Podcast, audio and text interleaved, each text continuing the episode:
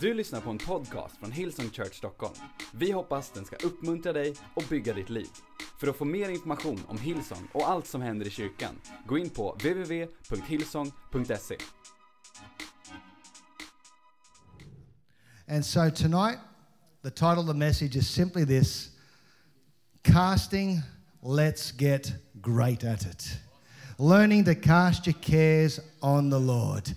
One thing I know is that God promises through His Word that He will work all things together for the good to those who love Him and who are called according to his purposes.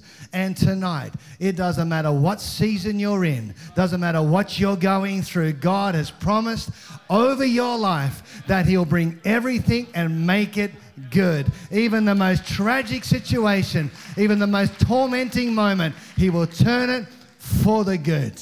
Many of us would have heard the story of Joseph. Joseph had a dream at 17 years of age a young man. How many know it's good to have big dreams? Don't discourage people with big dreams. You know, you know, when young people are starting to dream the big stuff of life, you ought to inspire that and encourage that and go, come on, man, think even bigger. But beware of this. When you do have a big dream, be mindful who you share it with. Joseph shared it with his brothers. His brothers were in the dream. And he had a dream that one day they would bow down to him as the ruler. How many know that's not a good thing to, to say to your older brothers? And then he had the dream again, and he had a he says it again, and this time he brings his dad into it. Not a good moment. His brothers at that point go, well, let's get rid of this guy. And they did. They sold him into slavery. And they ripped off his favor on a materialistic level, his coat made by his dad. He then finds himself um, in a house by a guy called Potiphar. And while he's in the house with Potiphar, he finds favor in the house. How many know, even in all the seasons of your life, you can keep bearing fruit? I want to tell you today, doesn't matter what you're going through today, that does not stop you bearing fruit in life. And the number one reason it doesn't stop you bearing fruit in terrible seasons of life is because fruit is not for you. The tree doesn't eat its own fruit. The fruit is always for somebody else. So even when you're in a storm and the things are beating you and whacking you and smashing you, and you think, Dear God, am I ever going to get through? But you got big pieces of dangly fruit that people can keep coming underneath you, eating from your life, and going away better people as a result. Don't stop serving God just because it's tough. Don't stop reaching out to people just because your season is a little bit difficult. In season and out of season, personally, keep blessing people in your life. And Joseph, he was that kind of guy. He was bearing fruit even when it was tough. Potiphar's wife gets longing eyes, eyes that says, "Hey, I want it," and it says that he, she tried to lure him to have sex with him. Uh oh, exactly. It's not a cool moment. He says, I'm not going to sin against God nor against my master because I found favor with him. She pursued him day after day. And until one day she cornered him and he literally ran off and she grabbed something of Joseph's clothing and then cried rape. At that point, Joseph gets thrown into jail. How many know he's gone from a great dream to a place of like, what is going on? Who's had those moments in life? It's like, oh, what is going on? Then he finds himself in dream and he starts to bear fruit again. He finds favor with the jailer. And there's two guys in there, a butler and a baker. They both have a dream. And Joseph says, Hey, I can interpret dreams. He says to the butler, In three days' time, you're going to be restored to Pharaoh. Says to the baker, Sorry, buddy, you're about to be hanged. Not a good moment. The baker goes off, loses his head. The butler, on the way out, about to be restored to Pharaoh, Joseph says to him, Hey, just remember me. I'm the bloke that told you what was going to happen. And it says straight after that that Joseph was there another two years. What a tough moment. How many would think you've just been used by God? Your time is about to be released. And God's going, I'm still doing my business with you. I'm working all things together for the good. You don't even know what is going on right now, and you need another season in jail. And you're going, I'm ready. I'm up for it, Lord. He's going, No, you're not. But when you are, it's going to be brilliant. And then lo and behold, Pharaoh has a dream. And Pharaoh says to all his magicians, I've had a dream, and you guys have got to tell me the dream. Not just interpret it, tell me what the dream was. And they're going, There's not a man on the planet who can do that. And then the butler says, I remember a man. And at that point, Joseph comes out. And Joseph, cutting a long story short, interprets the dream. See, when you've got to understand that God is in the business of turning things around for the good, you keep pushing through. And I want to encourage somebody tonight, keep pushing through. No matter what the season is, it look, might look like it's over, it's never going to open up. Let me encourage you today. All things work together for the good. It'll come good. Somehow, somewhere, it will come good. Amazing. God in the, the business of working in people's lives. He is the master builder of you. Joseph then is confronted with his brothers. A moment where he's think, you're thinking he could, if he wanted to, go, That's it. This is the whole reason I went through this because you guys started that journey. And Joseph's response was this when he met him What you meant for evil, God meant for good. See, in the season of it all, you got to watch what you're seeing and how you're responding. Can you see God in your storm? Can you see God transforming your life? Are you learning to cast your cares on the Lord? Can I give you a few scriptures tonight just to encourage you? Let's learn to cast. 1 Peter chapter 5 and verse 7 says this casting all your anxiety on him because he cares for you. Can I read that to you one more time? It did me a lot of good. I'm going to read it for myself. Casting all your anxiety on him because he cares for you. That word, care, refers to distraction, stuff that's pulling your attention. You know, cares in life are what they are. They're called cares, they're things that you care about. Everything in life on a natural level is stuff you care about. It can be husband, it can be wife, it can be children, it can be finances, it could be situations. They're all cares. And those cares have the potential to choke the very thing that God wants to produce in you if you allow it. If you know the story of the parable of the sower, Jesus talks about a number of places the seed fell on the ground and how it produced. But one of them was on the, the ground where the cares took over. And it says, when the cares of life took over, it choked the word and made it unfruitful. See, I believe if you're going to run the race that God has predestined over your life to you to run in the fullness of it, you've got to run light.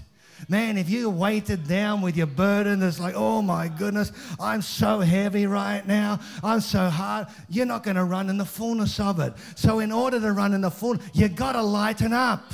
You got to get that sense of humor back. You got to have a little bit of a laugh about yourself. You're a funny looking person. Just have a look in the mirror. Man, if you think God doesn't have a sense of humor, have a good look at yourself. It's hilarious. Look at the person next to you say, You look hilarious tonight.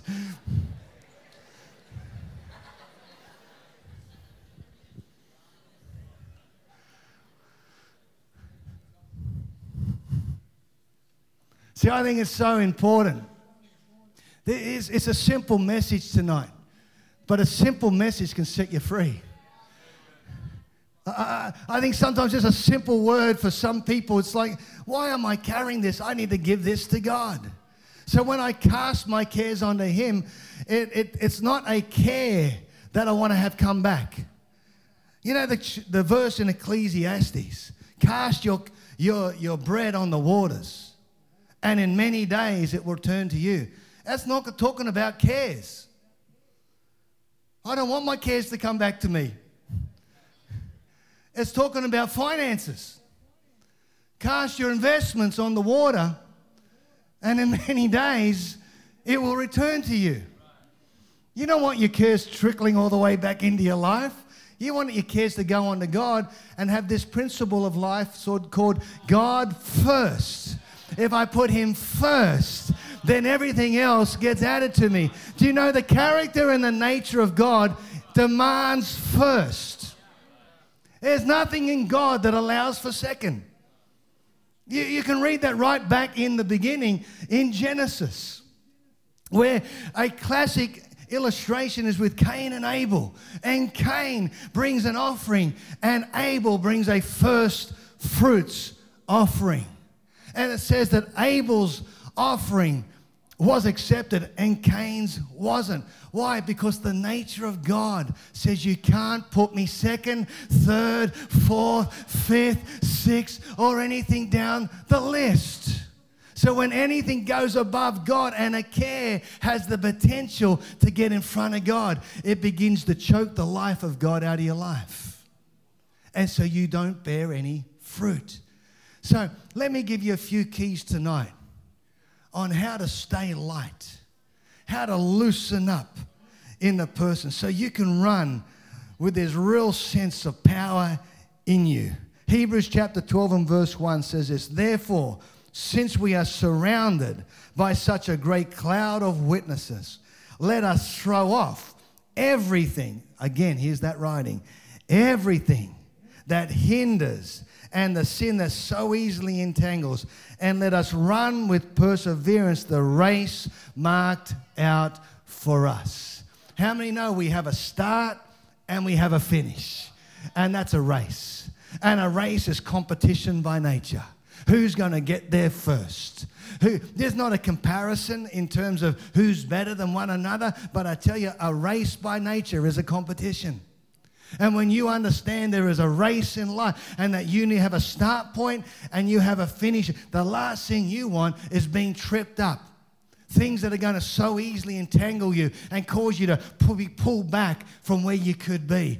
He says, learning to throw it off. You can run the race with the word endurance that ability to keep going. I tell you, it's hard enough going up a mountain, but when you're trying to get up a mountain and you've got a whole lot of stuff weighed down on you, it's like, man alive, it increases the strength, uh, the, the pressure of getting up. And I don't care who you are, you can't do it without God. But in God, you can start to throw that stuff off. So let me give you four things tonight that I think will really help you in the area of seeing your endurance, your strength, and how to cast your care. You got number one, you gotta you gotta use your faith. Everywhere I go, I'm gonna preach faith. Why? Because faith is the number one thing we're fighting for all the time. Paul said to Timothy, fight the good fight of faith.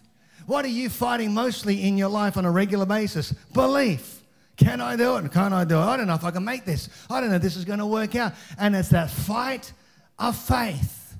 And when you learn to lift your faith, that's the start of a cast. You're not casting until faith begins to engage. So sometimes when it comes to you know, thinking about all the stuff you're doing and all the stuff you've got in your life and the stuff you're going through, one of the things you want to try and do before you even give it to God or try and give it to God and ask yourself some questions. Have I got faith? And the answer is yes. Because God has given every person, according to Romans, a measure of faith. And God wants you to stir up your faith for great things. But when you're thinking, I don't know if I can do it, I don't know if I can make it, I don't know if I'm going to get there, all of a sudden you get choked and choked and choked, and life stops moving. So you've got to ask yourself some questions Do I have faith? Do I have faith? Sometimes I walk around my house and I ask myself the question Do I have faith? Yes, I do. How much faith have I got? I've got a lot of faith. Am I using my faith? Well, maybe I need to stir it up right now. And this is self talk. You've got to, you to activate your faith and get it moving and get it stirred up. It's called being in peak faith. Because why? Because, like many of us in this room, we want to be ready when the opportunity's in front of us, right? And if you're not in peak faith, how many know you miss your opportunity? If someone comes and says, Hey, would you pray for me, Pastor? I don't want to suddenly think, Oh my goodness, I better get in faith right now. I want to be in faith before they even come to me. So I've got to stir myself up. If someone's needing a miracle and I'm thinking, dear Lord, I don't even know myself whether they're going to get this. You don't want that sort of pastor praying for you. you and thank God you got pastors who are full of faith, moving things forward. And I tell you, when they pray for you, things go down, things happen. So I talk to myself and I stir my faith. And then I let my mouth, number two, my confession, start to let my ears hear my mouth. And I begin to declare it out. I begin to speak it out. Why? Because faith comes by hearing, and hearing by the word of the Lord. I started off this message with this all things work together for the good. How many in the last 20 minutes, just in the last 20 minutes that I've been speaking for, already have felt a lift? Can I see just a hand? You, you, a stirring in you. You came in here and now you're here, even if it's just a little bit. Can I see your hands? Awesome. Well, I go, what would happen if you did this? If you started speaking over your life, you started saying things over your life of what God can do and what God will do and how God will break through for you, and all of a sudden you're declaring it, you're hearing it, and you're walking around in it. How many have understood the word I can't is true. And how many have understood the word I can is true? See, if you're going to cast so you can run lighter, Usain Bolt is a pretty cool dude.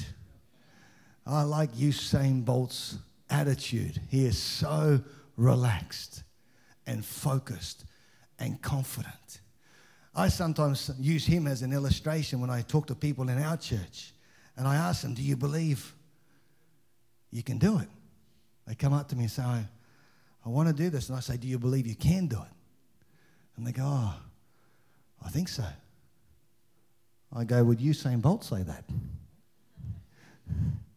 Go, No. I said, Well, why would you be saying that? He has no option other than winning. What's your mentality? What's your mentality? If Usain Bolt's starting to go, I don't know, I don't know, maybe, you know, maybe I won't, maybe I won't. Do you honestly think he's going to be the champion that he would be? Absolutely not. You know, you, the church you're building here in Stockholm, you think, oh, it's pretty good. Or you can go, this is going to be a church that shakes a city and shakes a nation, and we're getting on behind this, we're getting behind this, and we're going to move this thing forward. Have you got it will? It'll happen. Or have you got, gee, I hope so? I hope so. Well, you go, no, no, it will happen. Why? Because God wants it to happen. God wants it to happen. Uh, let me say this again God wants it to happen. He does. He, he wants it. He wants more people in this house than you could possibly imagine. Imagine what would happen if we started going, you know what, I'm going to agree with God. Because that's part of confession, isn't it? It's not just confession of positivity, it's confession of faith, which is what God has said. So when I start confessing my faith, I'm confessing what God's already declared. So I become in agreement with God. It's not like God has to be warmed up, He is already hot and you're just getting up with him. He is the fire, he is the all consuming fire. So when he speaks, stuff happens, stuff goes down, things move, things shake, and things change around. Why? Because there is a power in his word, because Christ is the word. And when you declare his word, you're declaring Christ. I don't know about you, but I want to stir my confession up. I want to stir my faith up. I want to start declaring things that people said it couldn't be done and it will be done. The problem is we're always wrestling with the will of God. Is it the Lord's will? Is it the Lord's will? I don't know if it's the Lord's will. Let me tell you, most times it is. Most times it is. If you see a need, how many know that's the call? You don't have to work out whether something's, all along. am I called to that? If you see the need, I've been telling all our, our lead team and our church people of late, you guys have got to stop praying in church. Because you pray whether, and I, I, know you guys don't need this, but our church in Scotland needs this. And I'm going, why, why the heck do you need to pray whether to be on a Connect team or not? You never pray about a job promotion at work. You just go, thank you very much, I'll take that. You don't, you don't pray whether you, whether you should go out with that girl or not. You just go, oh, oh thank you very much, Lord, I'll take that one. You don't pray about that stuff, but you pray whether you should get on a Connect team. What is wrong with you? now I do that with the love of the Lord and a big smile so they feel okay about themselves. But we spiritualize things. The story of the, of the Good Samaritan is a classic story. It's the story of a guy just gets beat up, and the Levite, the worship leaders, the priests, the ones that are standing in the gap between humanity and God, and they both walk past this bloke, and the Good Samaritan says, Hey, let's fix this guy up, let's sort him out, and you know the story. Treats him well, pays for his stuff, and all, it's all good. Can I encourage you? Don't fall into the trap of the Levite and the priest having to pray about every little thing. If God shows you a need, that's the call. If you're seeing it, do something about it. No matter what it, I don't know whether I feel called to that. You don't need to be called to it. You are called because you're a Christian, and Christians help people. And when there's a need, that's called helping them, whatever it is. But sometimes we, I know you guys are all good. I'm just ranting here, but but it is the truth because sometimes we go, God, give us a, a, a bolting light, and God's going, hey, what's in front of you? What are you seeing right now? Well, I'm seeing a need. Man, there's youth in this city that needs Christ, and I'm seeing it. Well, why don't you step up and go, hey, I want to get a part of it? Oh, I'm seeing the hurting. Well, why don't you step up and go, I'm going to get involved in it? You might, and you say, well, I don't have time, but you can pray and you can give. Maybe you can't do it physically, but you can power someone else to do it for them. And in partnership, everyone's got different giftings. You don't have to physically do everything. The Good Samaritan did a little bit and took off. And he said, I'm coming back, and if there's any other debt, I'll pay for it. So you don't have to be fully involved in everything, but you can be participant. This is where the body of Christ, and one person's doing one thing, another person's doing, and together we start to have a massive impact. All that is going wrong. I believe tonight there's going to be a little bit of a shift inside people where you're going to throw off your cares and go, I'm going to take on some of his cares. And do a bit of an exchange, not just an exchange where you feel like really light and doing nothing. No, there's an exchange of burden Jesus says, Come to me and let's do a change. I'll take your burden and, you, and then you take my burden. But my burden's light and easy. In other words, it will fit according to the capacity that you have. It'll fit according to the gifting and the talent that you have. And you'll find you'll get into a sweet spot, a rhythm, a place where you can start to really function. But I tell you, it comes out of stirring up of your faith and the confession of your faith and the third one, are you ready for this? Giving to others. As you begin to give to others, I'm telling you, there's a lightness. It's more blessed to give than it is to receive. There's more joy in the giving than there is in the receiving. Oh, there's a lot of joy in receiving. How many love a good present? Not many of you. we love a good present, don't we? Someone blesses you with something. Who would like a Ferrari? Pastor Andreas would like one. He's asked me to say that tonight. So somebody, no, I'm only kidding. only kidding. You'd like a nice, you like nice things. But here's what it says, and it is true because every parent knows it.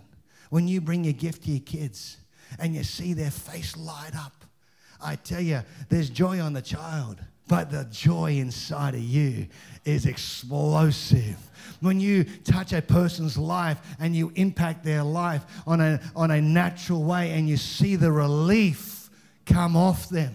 When you sit down with them and you're loaded with, with wisdom and they are sitting opposite you and they're going, I don't know how I'm going to get through this. But your wisdom that God has given you, you put it on the table and you see them eat from your life. And all of a sudden, there's a lightness, there's more joy in the giving than there is in the receiving. Can I encourage you if you're going to run lighter, you've got to take on His burden. And you've got to throw off your burden. It doesn't mean that you don't think about the stuff you've got to do. It doesn't mean you think, oh, I don't have to pick up the kids anymore. they can make their own way home from school. The Lord will make a way. He said he will add. No, no, you'll go to jail if you start doing stuff like that. You can't be silly. It's talking about what's captivating your heart, what's weighing down on the heart. I don't think there's a season in life where you don't have stuff on your heart that you care about. But there's that ability to go, God, I'm not going to let that dominate. Paul said, I have concern for the church daily. I have concern about life. But he says, you know, that ability to cast all my care onto him enables me to walk through all the seasons. I mean, Paul, who was shipwrecked, Paul, who was thrown in jail, Paul, who was beat up and was, was uh, treated so badly, he said, often I was in a place of without food. Here's the great apostle Paul. Often without sleep, often without clothes. I don't think he was running around in a nudie Rudy. But he had a place of lack. Yet he was on fire for God. In all the seasons, he was an encourager. In jail, he could write letters, and we are recipients of the letters now called the Word of God. In jail, he wrote much of this stuff. See, he was learning to bear fruit even when he was in his personal storms. What about you, friend, tonight? Have you learned the art of casting onto God and living for something bigger than yourself? Because when you're living for yourself, that's when you get way, way down with all your cares and all the stuff that you've got to do, all the stuff that you've got to accomplish, and all the stuff that you've got to make happen. But when you go, actually, I've got to do this because I'm a part of something bigger. That's why church is phenomenal, because you're part of something bigger than yourself. And without you, it doesn't happen. But with you, you have this explosive movement forward because you're going, God, I'm going to take my part in it. And yes, He says, I will add everything to you. Amazing. Casting. Got to get great at it. Got to get accurate at it. The reason I can grab a stone and hit a mark is because I've done it over and over and over and over and over and over and over again. Don't get tired of repetition.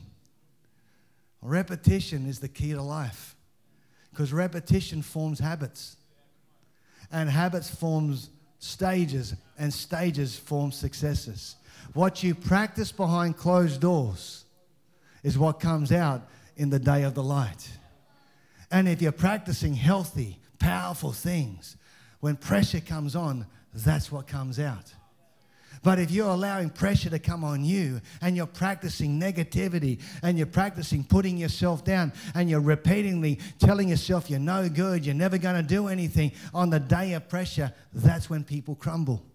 Can I encourage you today? Repetition. Do it again. And do it again. And do it again.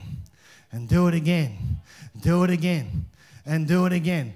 Why? Because you have a bigger dream. I'm going to do it again. I'm going to get up at six again. I'm going to get up at six again. I'm going to get up at six again. It's called repetition.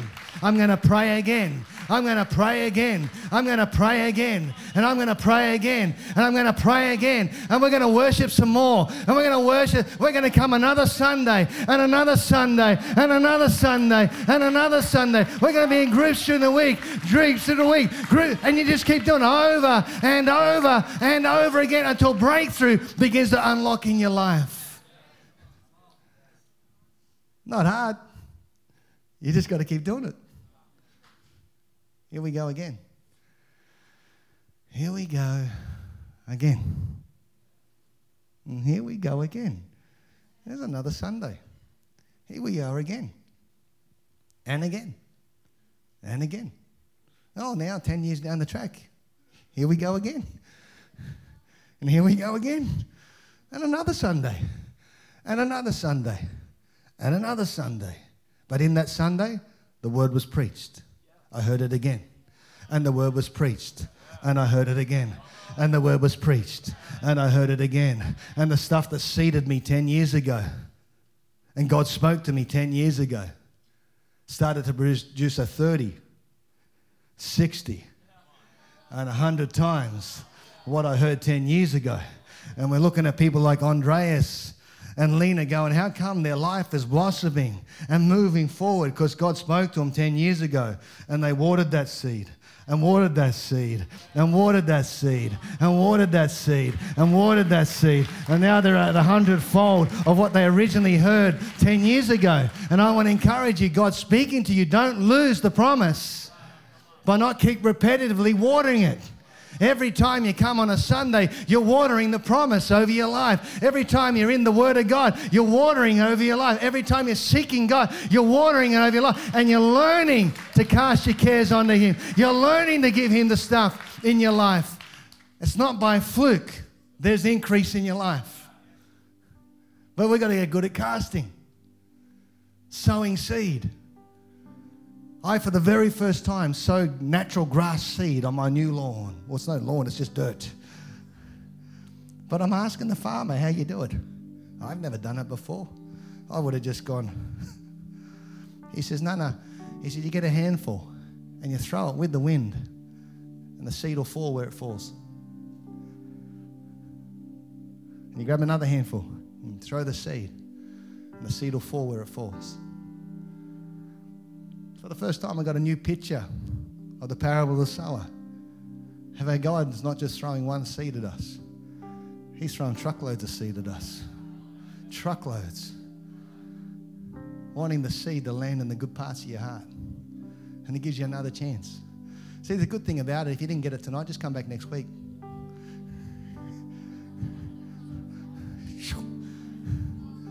I still don't get it. Come back next week after. Sooner or later, that seed will fall in your heart. And all of a sudden, you go, Man, God, you told me you love me. I heard that every week for, for a year. Every time Andreas got up, he said, God loves you. And I used to go, yeah, I don't feel nothing. And one day after about a year, he went, boom. God loves me. Oh, he loves me unconditionally. There's no condition on that love.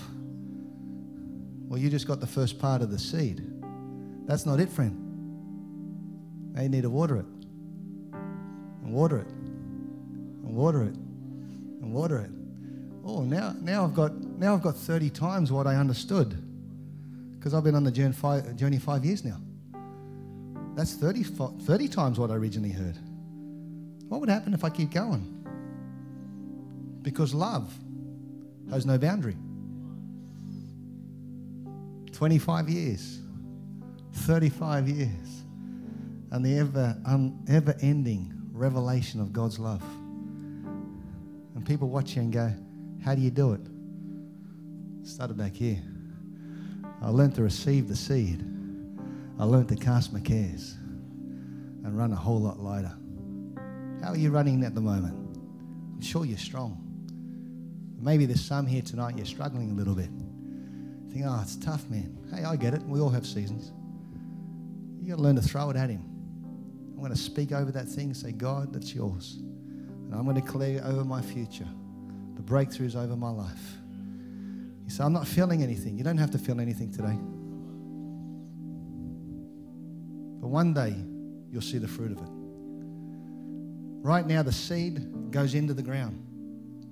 It's like, man, I can't even see it. But it's there, friend. Just like I have a natural lawn, I know there's seed in the ground. I don't have to worry about watering grass in Scotland. It just rains.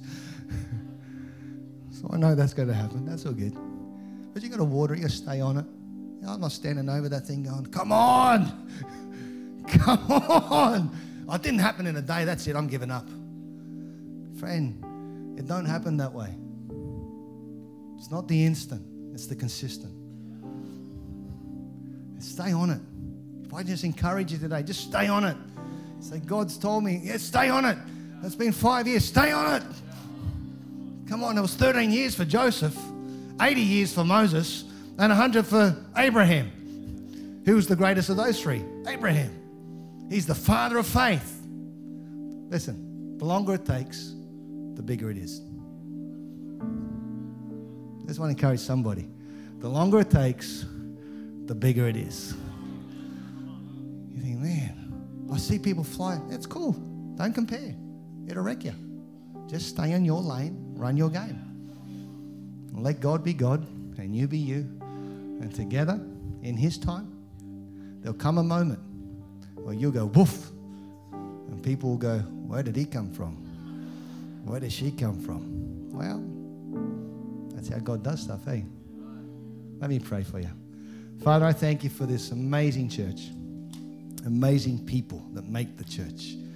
I pray tonight as we're all learning how to cast better, how to throw it onto you. God, I pray tonight there will be a release faith inside people's hearts so they would cast their cares on you and know tonight the freedom to run faster than they've ever run before.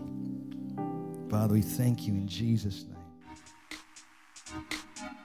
Du har lyssnat till en podcast från Hillsong Church Stockholm. Om du vill veta mer om vår kyrka eller om våra söndagsmöten, surfa in på www.hillsong.se.